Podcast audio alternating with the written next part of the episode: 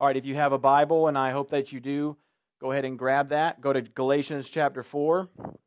Galatians chapter 4. And if you need a Bible, uh, you don't have a physical copy, uh, you can either look on with someone next to you, or we have plenty of Bibles still in the back corner on this table back here with some note sheets. If you want to come grab one, slip, slip through the back, and you can get one, um, and then go back to your seat. No big deal at all. Um, okay, Galatians chapter 4. Now, this is going to be about, this section is going to be about freedom. Okay, freedom in Christ, being set free from slavery, and being free in Christ. Now, when we think about freedom, as Americans, we may often tend to think about freedom in terms of our concept of American freedom. Okay? We read our Bibles through that lens on accident because that's the only way we understand freedom. So when we think about American freedom, right, no one's telling me where to live, what neighborhood to move into. I can move into Clarendon off Genito, which is where I live, because that's where we chose to live. No one made me do that, right? We get to pick in America if we want to have kids, how many kids to have. That's not the case in every country. We can pick how we want to vote. The fact that we're able to vote, right, is a freedom. Um, we get to pick if we want to travel, where we want to travel. No one is dictating what we choose to eat for dinner. If I want to eat Chick fil A three times in a day, I can because I live in America, okay? Because we're free and no one's controlling our daily decisions in life, right? Now, this sermon is not going to be about American freedom, I promise you that, okay? So I'm not headed that direction. But when we think about freedoms, we tend to think in these kind of terms, right? We're free to kind of do uh, what we want, make decisions under authority, right? Well, Christian freedom is not really the same thing as American freedom. Okay, so when you read the word freedom in your Bible, in Galatians is really going to make a shift to talking about freedom this week and next week. Um, when you read that word, try to not think about it like American freedom, okay? Because the freedom that a Christian gets is a different kind of freedom. It's not just free to move about and make decisions that you want because no one's controlling your decisions necessarily. It's a different kind of freedom. You are free from slavery into sin. You are free from sin and death and hell. That's a different category of freedom. Okay, our freedom is a little bit more like being bound in chains and then having the chains broken. That's more of a way to think about Christian freedom. So when you think and you read the word freedom, think in these terms, right? And you are you are freed up now as a Christian to not just be free from sin and death, but you are now free to do what you actually want to do because what your heart um, finds as its greatest joy is living for Jesus. Whether you realize that or not, your greatest happiness is found in Christ alone. And so to pursue Jesus is to pursue your greatest joy. And so now being free in Christ is to pursue your greatest joy and to live fully for Christ. Now, the hard part is that as Christians, we are so prone to wander back into the things that enslave us, the sin that enslaves us. As believers, we are so prone to want the thing that Christ set us free from right? I feel this, you feel this. The thing that you're not supposed to have is the thing you actually want to have, right? In Christians, we wrestle with this all the time. Uh, Proverbs 26 11 says it like this, kind of a graphic way to say this. It says, Like a dog returns to its vomit, so is a fool who repeats his folly. Yeah, have that image when you run back to sin. That was in the Bible, like a dog going back to its vomit which a dog will actually do, by the way. So a sinner, so a, a, a fool goes back to their folly. This is what we do. Every day we're prone to wander this direction. And so we really need Galatians to help us, and this is what Galatians hopefully will do to us that we're set free. So, our main idea today is this we are not slaves to sin and religion, but we are set free to live for Jesus. Okay, we are not slaves to sin and religion. We are set free to live for Christ. All right, now, before we read verse 8, we are coming out of the context of last week like Drew told us earlier, of adoption. All right? We are adopted children of God. And if you weren't here, we talked about how our status is that we are in the family of God. We are a child now. And that, that status is an unbreakable position. You are in the family, you're an heir, you're adopted through faith in Jesus Christ. And that status creates freedom, it gives you freedom. Freedom from sin, freedom from death, now freedom to pursue your joy. So keep that in mind. The status of adoption gives us this freedom. And Paul's going to address this. And as we read this, we're going to get three points. We're really going to see three implications of what it means to be set free. Okay? So we're going to take it in sections. Let's only read verse 8 to 11 right now. Only read 8 to 11 right now. We'll get point one. So, verse 8. Paul says this under the inspiration of the Holy Spirit. Formerly, when you did not know God, you were enslaved. Now, catch that. You were enslaved. Not you're you're not slave now. You were enslaved when you did not know God. To those that by nature are not gods. But now that you have come to know God, or rather, to be known by God, how can you turn back again to the weak and worthless elementary principles or basic principles of the world whose slaves you want to be once more? Verse 10 You observe days and months and seasons and years. That's the Jewish calendar. I'm afraid I may have labored over you in vain. So, first implication of our freedom number one, learn that you are known by God. Learn that you are known by God. This is our identity. This is who we are now. And as those who are set free, we need to learn, we need to get the fact that we are known by God. In verse 8 and 9, it says, You were enslaved, like we just talked about. That's your old self. It's not who you are anymore. You were a slave, but you're not now. Now you're a new person. You are new in Christ Jesus. Remember, you're a child of God. That's old you, right? And then it says in verse 9, But now that you have come to know God, and then it gives an interesting phrase, and then it, it kind of adds to that, not just you know God, but rather to be known by God. Well, that was interesting. So, you are a child of God, meaning you know God. But what's better than you knowing God is that God knows you. That's a more amazing reality for you. You are known by God. So, if a celebrity, if you had one conversation with a celebrity, let's say maybe even two, let's say you met Tom Hanks on Hull Street for whatever reason, That'd be crazy, right? You go into you go into Walmart on Hull Street and Tom Hanks is in there. You have one conversation with Tom Hanks, and you come back to youth and you say, I know Tom Hanks. Okay? Well, that's one way to, to think that you know Tom Hanks. You meant you met him once, you talked to him for three minutes, and now you're saying you know him. That's a lot different than Tom Hanks coming up to you later and saying, What's up, Josh? I remember you, right? You told me about how you play soccer, blah, blah, blah, right? That's a totally different experience, right? It's more significance that the person you admire knows you than you knowing him. Now, when we think about our relationship with, with God, we are able to know God. But because we're sinners, we our knowledge of God and our knowing of Him, our relationship with Him, it kind of teeter totters, right? We know him well, and sometimes we know him not as well based on how we're walking with him. But when you are in the family of God, God knows you fully, unbreakable all the time. Your, your uh, relationship with him and his love for you never changes and it never breaks. It's, it's fixed. Yours is up and down. His is fixed. He knows you. He loves you. He fights for you. He enjoys you. Think about that. God enjoys you. God's not tolerating you. God enjoys you. He loves you. And He knows you by name. He knows all your sin.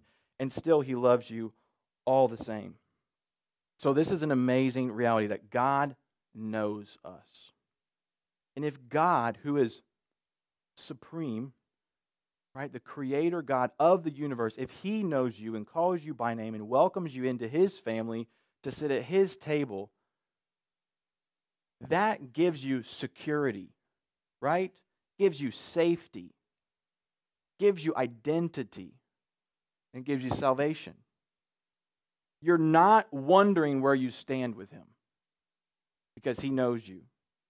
Right? So now you're not a slave to a slave master just doing stuff to hopefully he won't punish you. You're a child to a loving good father.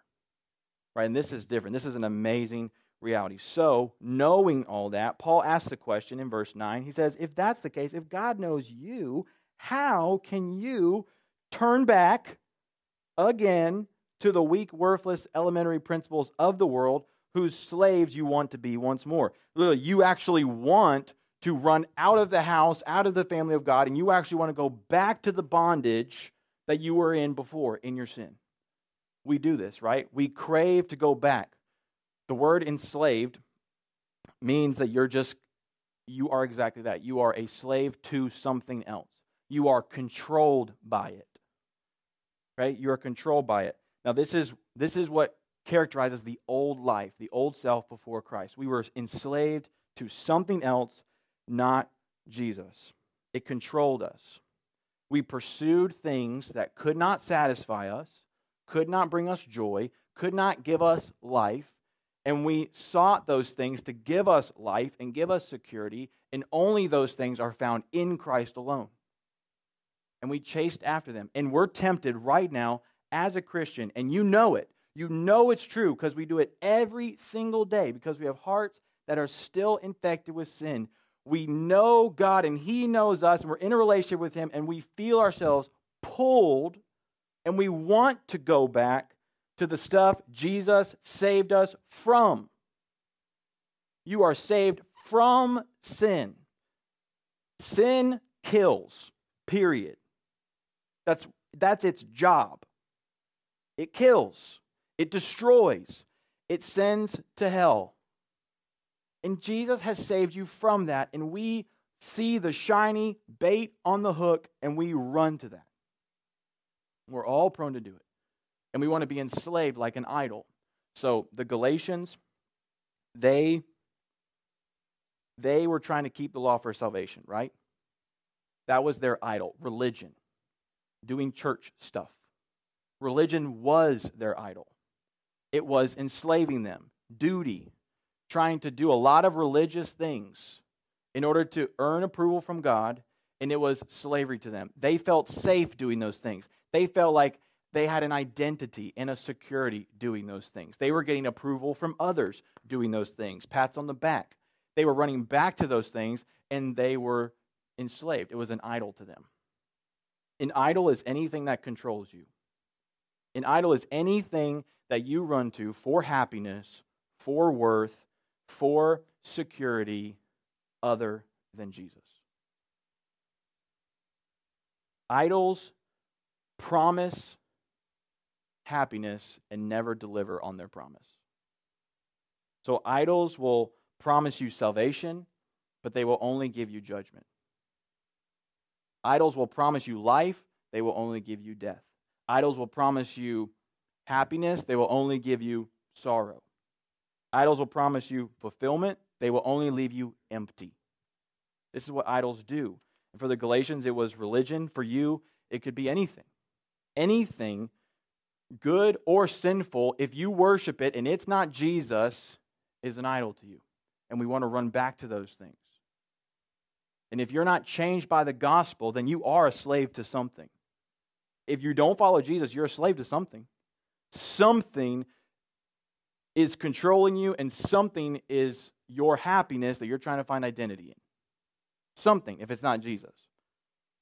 So think about it this way ask yourself do you own money or does money own you? That's really the idolatry question. Do you use social media or does social media use you? Do, are you in a relationship or does a relationship use you? Does it have you? Do you use Netflix or does Netflix use you? Did you know? This is true fact, by the way. Netflix, the corporation, said their biggest competitor, do you know what their biggest competitor was? It wasn't another company. They didn't say, my biggest competitor is Hulu or YouTube. They said, our biggest competitor is sleep because they want to keep you awake. That's their biggest competition. Their job is to own you. That's why the next episode starts in four seconds. And that's why you can't hover over a show without it playing automatically. Because they don't want you to go to bed. They own you. That's the job of the media to own you, to keep you, to get you on the app, and to make you stay there. Do you use these things or these things use you? And this can be anything, right? It can be your friendships, it can be your family, it can be coming to church. Religion can be an idol if we're using this to try to give us some sort of security and identity in life, and it will only leave us empty. But why do we why do we find ourselves doing this and running to these things? Jeremiah 17:9 says, "Our hearts are deceptive above all things." Ain't that the truth? And desperately sick, who can understand it? The world says follow your heart. Jesus says, I don't think so. Your heart is sick. We don't follow our heart. That's why we're prone to wander. Romans 7:15. See if you resonate with this, students. Follow along Romans 7:15. For I do not understand my own actions. For I do not do what I want, but I do the very thing that I hate. That's a Christian saying that. That's Paul. He wrote Galatians. Paul is saying, as a Christian, the stuff that I want to do is the stuff I don't do. And the stuff that I don't want to do is the stuff that I do. Does anybody else feel like that? I do. We want to go back to the things Christ saved us from. Think about that. Romans 6 6 says that Jesus, our old life was crucified so that we wouldn't be enslaved to sin any longer. So you wouldn't keep sinning. He saved you so you don't have to sin anymore. So you don't keep going back to it. So we don't put the chains back on our legs. Imagine if you were free from prison and you the door was open, they let your chains go, they gave you your clothes and you went to leave, you went spent 2 days out out and about in Chesterfield and you just went back to the prison cell because you just wanted to be there because you liked the scratchy bed sheets and the bad food and the cold floor. This is, this is what this is. We go back to our sin that we were saved from. It doesn't give you happiness, it doesn't give you salvation. These things, they're not saviors. Jesus alone is the Savior. Do you know Christ the Savior? And as a Christian, do you live for Christ alone and not in slavery to sin, which Christ died to save you from. And because you're free, this means that you don't have to chase approval of other people anymore. You're free. You don't have to chase approval anymore. You don't have to chase Instagram likes, double taps anymore. You don't have to chase shares anymore. You don't have to chase uh, peer pressure anymore. You don't have to be first anymore. You don't have to win, actually, anymore. I know it's hard to imagine. You don't have to be arrogant to hide your failure anymore. You don't have to gossip to get friends anymore. You're not those things. Those things don't control you. You're not what you do. You are free. You are in Christ. You're free, students. You are free. Jesus sets you free, and you're known by God. Don't turn back to what enslaves you. So, if you were to think about your life, what is the thing that you keep wandering back to? What is that thing for you? The thing that you find yourself again and again and again being seduced by, tricked by, and every single day you think to yourself, it happened again. It happened again to me. How do I keep getting tricked into this? And if we're in Christ, the Holy Spirit in that moment will convict you. That feeling of, why am I here again? That feeling of conviction that I've done wrong, that guilt, that's the Holy Spirit inside you, calling you back, drawing you back to Jesus to repent, to give your life over to Christ to live fully for Him, to wash yourself in His grace. In the moments we're tempted to run back to these things, run to the arms of Christ. Because He loves you, He wants to receive you again. So, you're known by God. Don't run back to your slavery.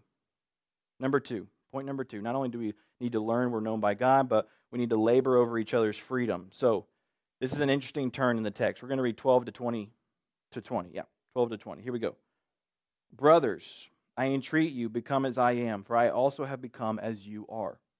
You did me no wrong. You know it was because of bodily ailment that I preached the gospel to you at first. And though my condition was a trial to you, you did not scorn or despise me, but you received me as an angel of God, as Christ Jesus. What then has become of your blessedness? For I testify to you that, if possible, you would have gouged out your eyes and given them to me. That's kind of gross. What a sentence. Have I then become your enemy by telling you the truth?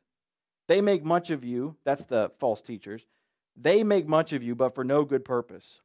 They want to shut you out that you may make much of them.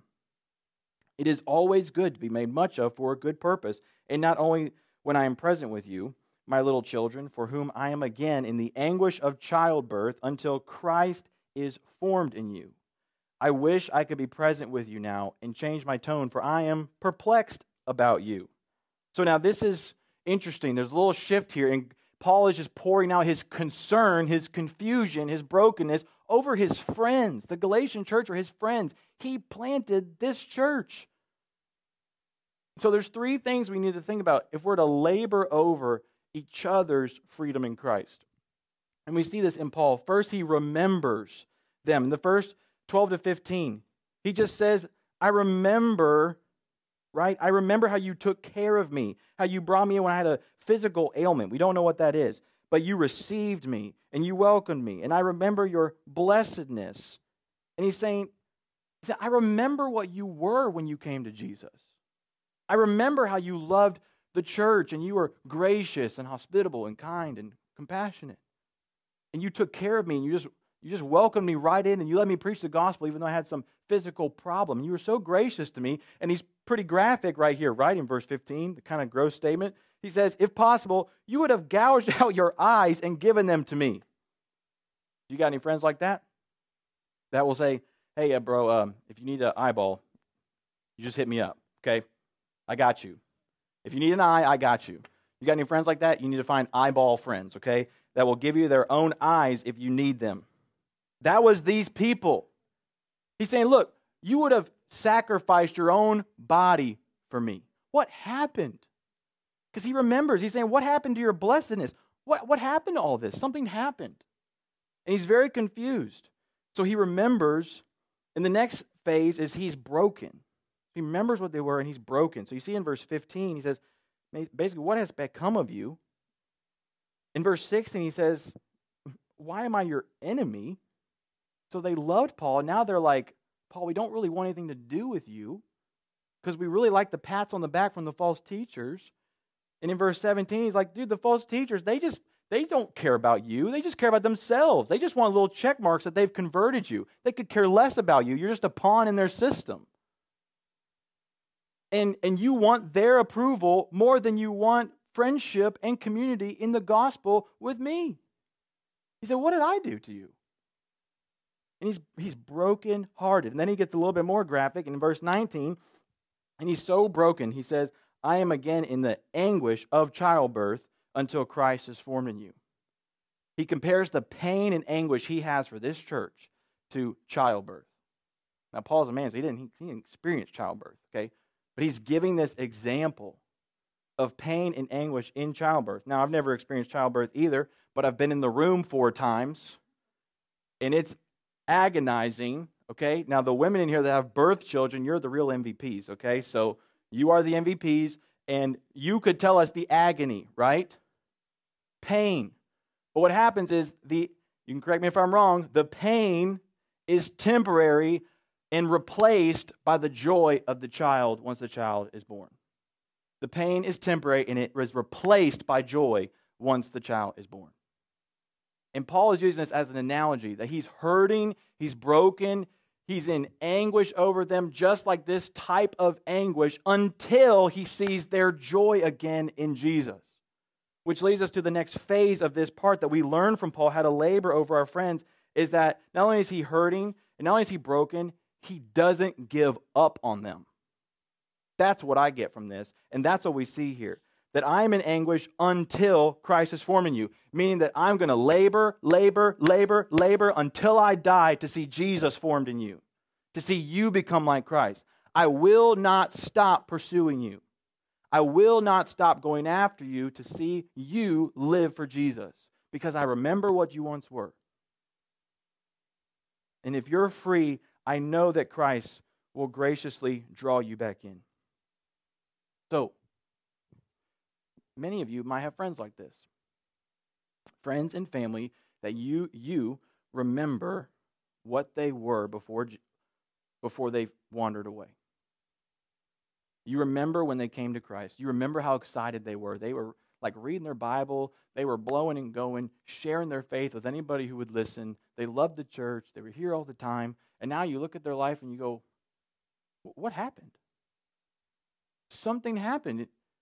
What did I do to you? What? You have friends like this. They've wandered back into their own slavery. They don't want anything to do with you, and they don't want anything to do with Christianity. Maybe you know some people in this church that feel like that.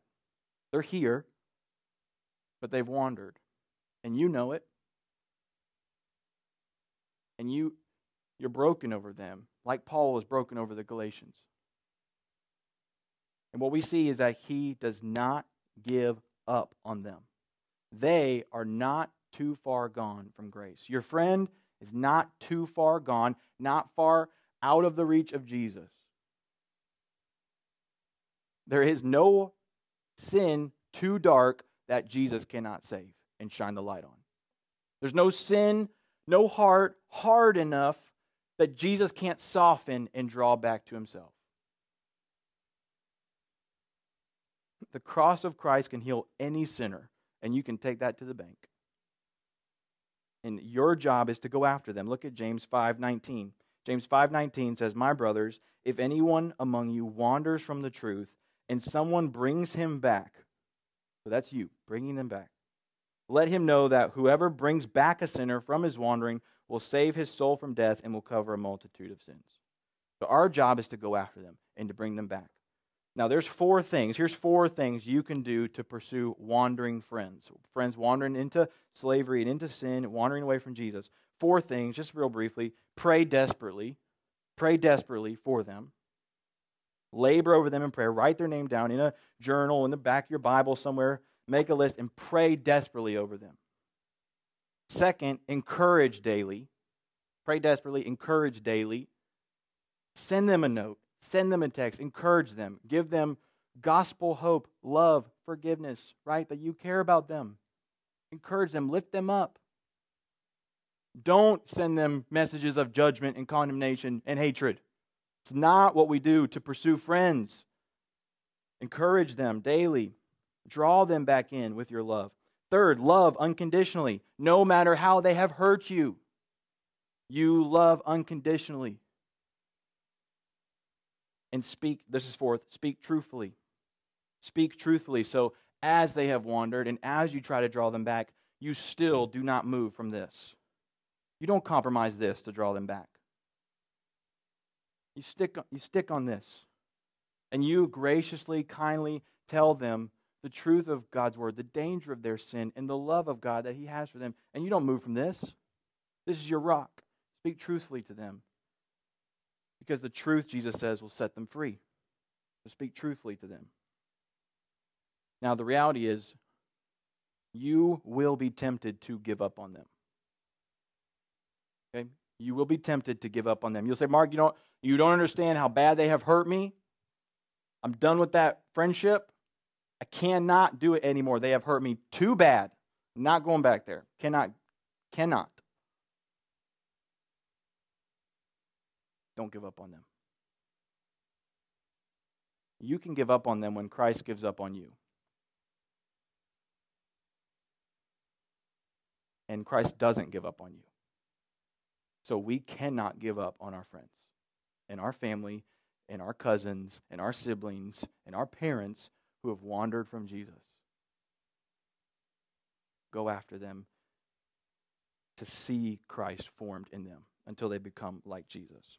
Now, number three, live free in Christ. Now, I want to summarize the last section here because it's 10 verses. And this last 10 verses is a picture of slavery and freedom that Paul's going to actually flash back to Genesis. And he's going to give us a picture of two children born. One is going to be a picture of slavery, one's a picture of freedom. Okay, so in verses like 22 to 25, he brings up Abraham's two sons. Abraham had two sons. One was born of a slave woman named Hagar. When Abraham tried to take matters into his own hands, he didn't believe God. He didn't believe that God's promise was going to come in his old age, and so he took matters into his own hands and tried to advance the promise. But he did not trust God, and he had he, he slept with Hagar, his own slave woman, and had a son, and that was not the son that God promised. And so Paul says a son of slavery. And he says it's a picture of slavery. And everybody who is entrenched in slavery is like Ishmael, is like that child, birthed from slavery. You're just enslaved to sin. You're living according to the flesh. Then he says, Abram had another son, and this is in verse 28, Isaac. And Isaac is born of Sarah, his wife. This is in Genesis 21. And Isaac is the child of promise. Isaac is the child by which Jesus would come down the line. Isaac is the one who gives birth to the descendants of the Savior. He is the child promised by God. And that is a picture, Paul says, of being free, being a child of promise, being a child of God, where it's not based on anything we do, it's based totally on the grace of Jesus. In the Savior, Jesus Christ, who comes in the line of Isaac. So he says, there's two streams here. This is like two pictures. You are either a slave to sin and the law and religion, or you are set free in Christ. Those are your two options. You're either a slave or you're free. And he says in verse 31, so let's look at verse 31. You can throw that up on the screen. He says, So, brothers, we are not children of the slave. That's an identity statement. You are not a slave if you are a Christian, but of the free woman, meaning you are a child of freedom. You are free in Christ. Live free in Christ. You are not a slave, students. You are free. So live free. Live free. When we think about freedom, like we talked about earlier, sometimes we think about it like uh, when I'm 18, I can't wait to get out of the house so I can finally have freedom, right? Like, like no rules, as if freedom is attached to no authority. We tend to think about freedom like that. Like once I'm out and no one's over me, now I can finally do what I want to do. And that's not how the Bible talks about your freedom in one sense. Freedom is you pursuing your highest possible joy in Christ, who is your highest joy. You get to pursue your highest joy without fear of any punishment. What if you got to do what you want to do forever without punishment? Think about that. What do you really want to do? Look at me. Everyone, look at me. Lift your eyes up what do you really want to do? Whatever it is. What if you got to do that thing forever without punishment? That's freedom, right? That's freedom. Well, now, if we can really grasp that Jesus really is what our hearts really want, we get to enjoy our then, our greatest joy forever without punishment. That's freedom. You are free. So live free. Don't live like a slave because you're not one. You're not a slave. You are free. So you can run back to the things that enslave you, but you're not that. You're going to keep trying to find identity over here with this group of friends. They won't give you identity. Jesus gives you identity. You're going to try to find life and approval and salvation over here, entrenched in this muck, but only Christ can give you those things. Live as though you're free because Christ is better. Christ is better than all your stuff. And if you really believe that, and you really believe that it's true, you'll really begin to experience true freedom. Romans 8 1 says, There's no condemnation for those who are in Christ Jesus, so you're not punished. And then Romans 8 39 says, Nothing can separate you from the love of God. So if you're not punished and you're fully loved forever, that's freedom. You're secure. So stop trying to find love and security in other places because we don't have to do that. Live as though you are free. It is our greatest happiness, our greatest happiness to live fully and completely for the glory of Christ. Do you believe that? Your greatest happiness is to live fully and completely for the glory of Christ. And we're free. So that means, if that's the case, then we're free to take gospel risk. We're free to just do some stuff for the gospel that's risky. Because you don't have to be afraid. You're able to have those gutsy, hard conversations with the lost that you're afraid to have. And if they reject you, it's okay. You're free. No one's binding you up. I can preach the gospel even if it throws me in prison in 30 years from now because I'm free. And a prison cell can't take my freedom away from me. And your rejection from your friends can't take the freedom away from you. Did you know that a Christian in Afghanistan who is in prison is more free than an unbeliever in America? Think about that for a second, what I just said. A prisoner in Afghanistan who loves Jesus is more free than an unbeliever in America. They are more free because nothing can take away their joy and their life and their salvation, and everything can take it away here. You're free. Live free. Pursue Jesus. Go all out. Go crazy for Jesus. We talked about the 11th graders. Use your life. Pursue a career, not worrying about success and climbing the ladder. Pursue a career that's going to help you make disciples of Jesus Christ, regardless of how much they pay you for it, because you're free. You're, you're not living for the same stuff. And if you don't really want to live for the Great Commission, then you're probably not a Christian. Because that is like number one mission. Do you want to follow Jesus or not, students? If you want to follow Jesus, then follow him all the way, 100%. But if you don't, then stop playing around with church. Church is a bad hobby if you're not a Christian. Go get a boat and fish on Sundays. It's not a good hobby. Either be here and be all in for Jesus or don't. But we got to stop playing around and acting like we're saved when we're a slave. Let's be on fire for Jesus. He is our greatest joy. And if we can just see that, we can all experience the greatest joy together. It is our greatest happiness to live fully for Christ. Let's live like we're free. Go to school tomorrow and be free. Stop worrying about what your friends think about you because you're a Christian. You're free. You don't, you're not bothered by their thoughts about you. You got a teacher who is going to give you an F on a paper because you wrote about Jesus? You're free. I got an F in college because I wrote a paper about Jesus. I'm free. Jesus will take care of you. You're not living for this world, you're living for another kingdom. So go all out for that kingdom. Be bold, be a witness. Every day is life or death. Every soul in here will be in heaven or hell one day. Every soul. So go all out for Jesus every day because you're free. Who cares what they think about you? Just live free for Christ. You're not a slave. What time is it? 743. Guys, John 8 36. If you want in on this freedom, like, how do I get that freedom? Well, John 8 36 says, if the Son sets you free, you are free indeed. If the Son sets you free, Son of God, if He sets you free, you're free indeed. There's no asterisk at the end of that sentence. It didn't say, if the Son sets you free, you're free, but for a limited time. No, you're free indeed. You're free forever. You're free, period. You are free indeed. So if you want freedom, students, believers, if you want to live in freedom, the answer is come to Jesus and he will set you free. If you're not saved, and you're not a Christian, you have no idea what I'm talking about. And I've seen some new people in here. and I don't know if you're a Christian or not.